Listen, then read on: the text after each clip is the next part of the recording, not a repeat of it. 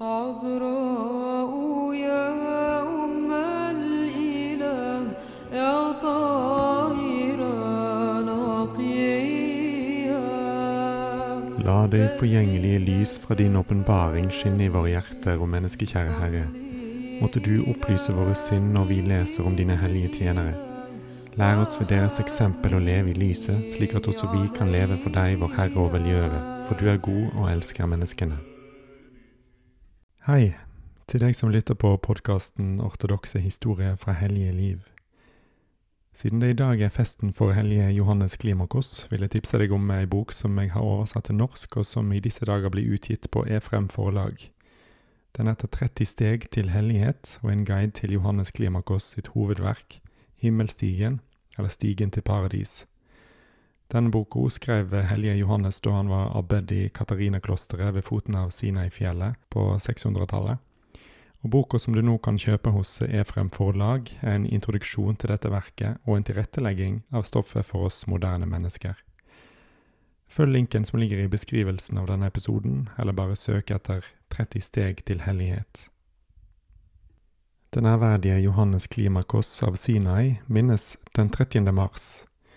Han blir hedret av kirken som en stor asket og forfatter av den anerkjente åndelige boken Stigen, eller Himmelstigen, og derfor kalles han Johannes av Stigen. Det finnes veldig lite informasjon om hellige Johannes' første tid. En tradisjon antyder at han ble født i Konstantinopel rundt år 579 og var sønn av de hellige Xenofon og Maria. Johannes dro til Sinai da han var 16 år gammel og underkastet seg Abba Martyrius som sin overordnede og veileder. Etter fire år ble hellige Johannes tonsurert som munk. Abba Strategios, som var til stede ved hellige Johannes' tonsurering, spådde at han ville bli en stor opplyser for Kristi kirke. I 19 år utviklet hellige Johannes seg i klosterlivet under lydighet mot sin åndelige far. Etter Abba Martyrius sin død innledet hellige Johannes et enslig liv og bosatte seg på et øde sted som het Tola, hvor han tilbrakte 40 år og strevde i stillhet, faste, bønn og med botens tårer. Det er ikke tilfeldig at hellige Johannes snakker om omvendelsens tårer i sitt hovedverk Himmelstigen. Akkurat som ild brenner og ødelegger treverket, så vasker rene tårer bort all urenhet, både ytre og indre, skriver han. Hans hellige bønn var sterk og effektiv, som det fremgår av et eksempel fra den gudbehagelige helgenens liv. Hellige Johannes hadde en disippel som het Moses. En gang beordret den hellige mannen disippelen sin å ta med seg møkk for å gjødsle grønnsakshagen. Da Moses hadde oppfylt lydigheten, la han seg til å hvile i skyggen av en stor stein på grunn av den brennende varmen som var om sommeren. Hellige Johannes lå i sin celle i en lett søvn. Plutselig dukket opp en mann med et bemerkelsesverdig utseende og vekket den hellige asketen og irettesatte ham. Johannes, hvorfor sover du så skjødesløst når Moses er i fare? Da våknet hellige Johannes umiddelbart og begynte å be for disippelen. Da Moses kom tilbake om kvelden, spurte hellige Johannes om noe hadde skjedd, noen slags ulykke. Munken svarte, En stor stein ville ha falt ned på meg da jeg sov middagsblund under den, men jeg forlot stedet fordi jeg trodde jeg hørte deg kalle på meg. Den hellige Johannes fortalte ikke disippelen om synet, men takket Gud. Hellige Johannes spiste den maten som er tillatt etter klosterregelen, men med måtehold. Han sov ikke mye, bare nok til å holde styrken oppe, slik at han ikke skulle ødelegge hodet ved uopphørlig vake. Jeg faster ikke overdrevet, sa han om seg selv, jeg overgir meg heller ikke til intens nattevåk, og heller ikke ligger jeg på bakken, men jeg legger bånd på meg, og Herren redder meg raskt. Følgende eksempel på hellige Johannes' ydmykhet er bemerkelsesverdig. Han ble begavet med oppmerksomhet og oppnådde visdom gjennom åndelig erfaring, og mottok kjærlig alle som kom til ham og ledet dem til frelse. En dag bebreidet noen misunnelige munker ham for å være for snakkesalig, og derfor holdt hellige Johannes sin munn i et helt år. Munkene innså da sin feil, og de gikk til asketen og ba ham om ikke å frata dem det åndelige utbyttet fra å samtale med ham. For å skjule sine asketiske gjerninger fra andre trakk hellige Johannes seg noen ganger tilbake til en hule. Men snakk om hans hellighet spredte seg likevel vidt. Besøkende fra alle samfunnslag kom til ham og ønsket å høre hans oppbyggelses- og frelsesord. Etter 40 år med ensom asketisk liv ble han valgt som abbed for hellige Katarina-klosteret ved foten av Sinai-fjellet. Da var han rundt 70 år gammel. Hellige Johannes styrte det hellige livet i klosteret i fire år. Mot slutten av sitt liv ga Herren ham klarsynets gave og evnen til å gjøre underverk. På forespørsel fra en annen Johannes, som var abbed ved Reitu-klosteret, skrev hellige Johannes av Stigen det makeløse verket Himmelstigen, som er en instruksjonsbok for munker som ønsker å oppnå åndelig perfeksjon.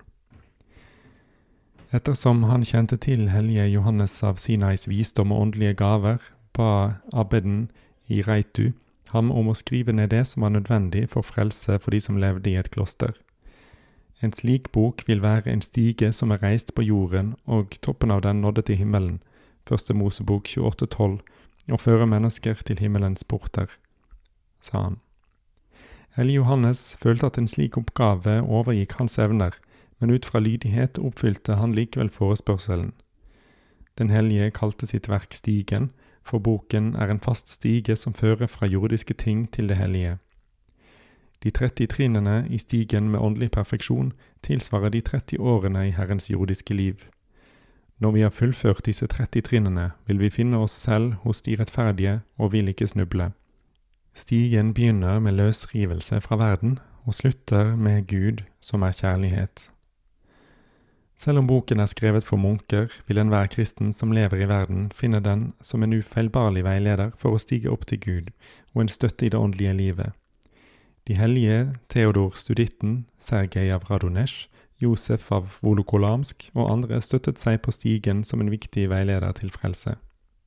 Det 22. trinnet i stigen omhandler ulike former for æresyke, som er lysten til å bli sett og anerkjent av andre.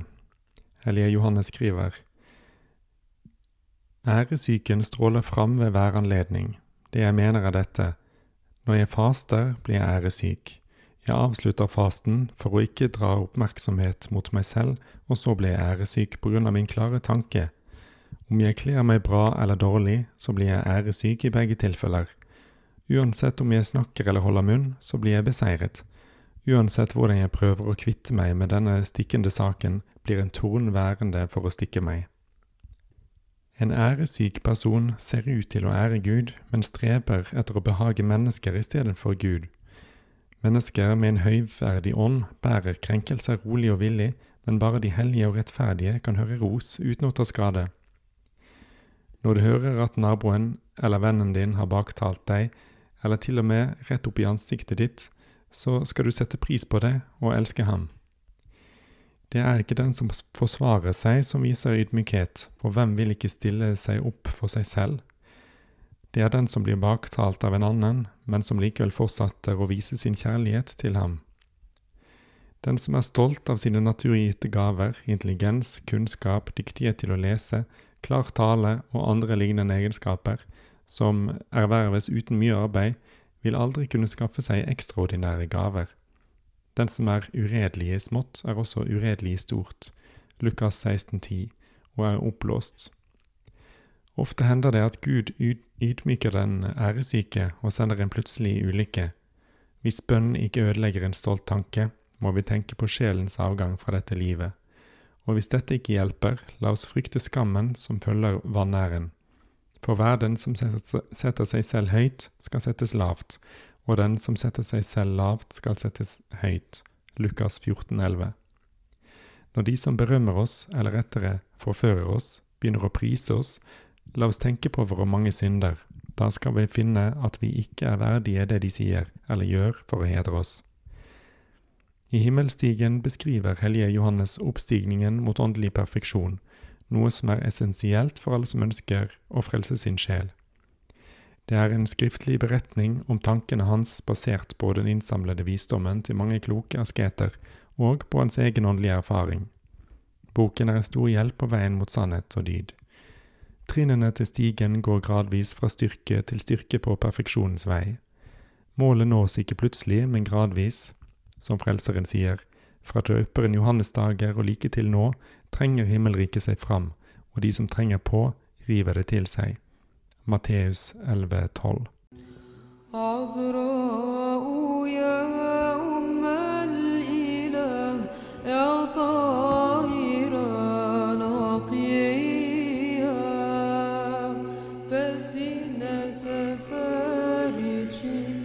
صلي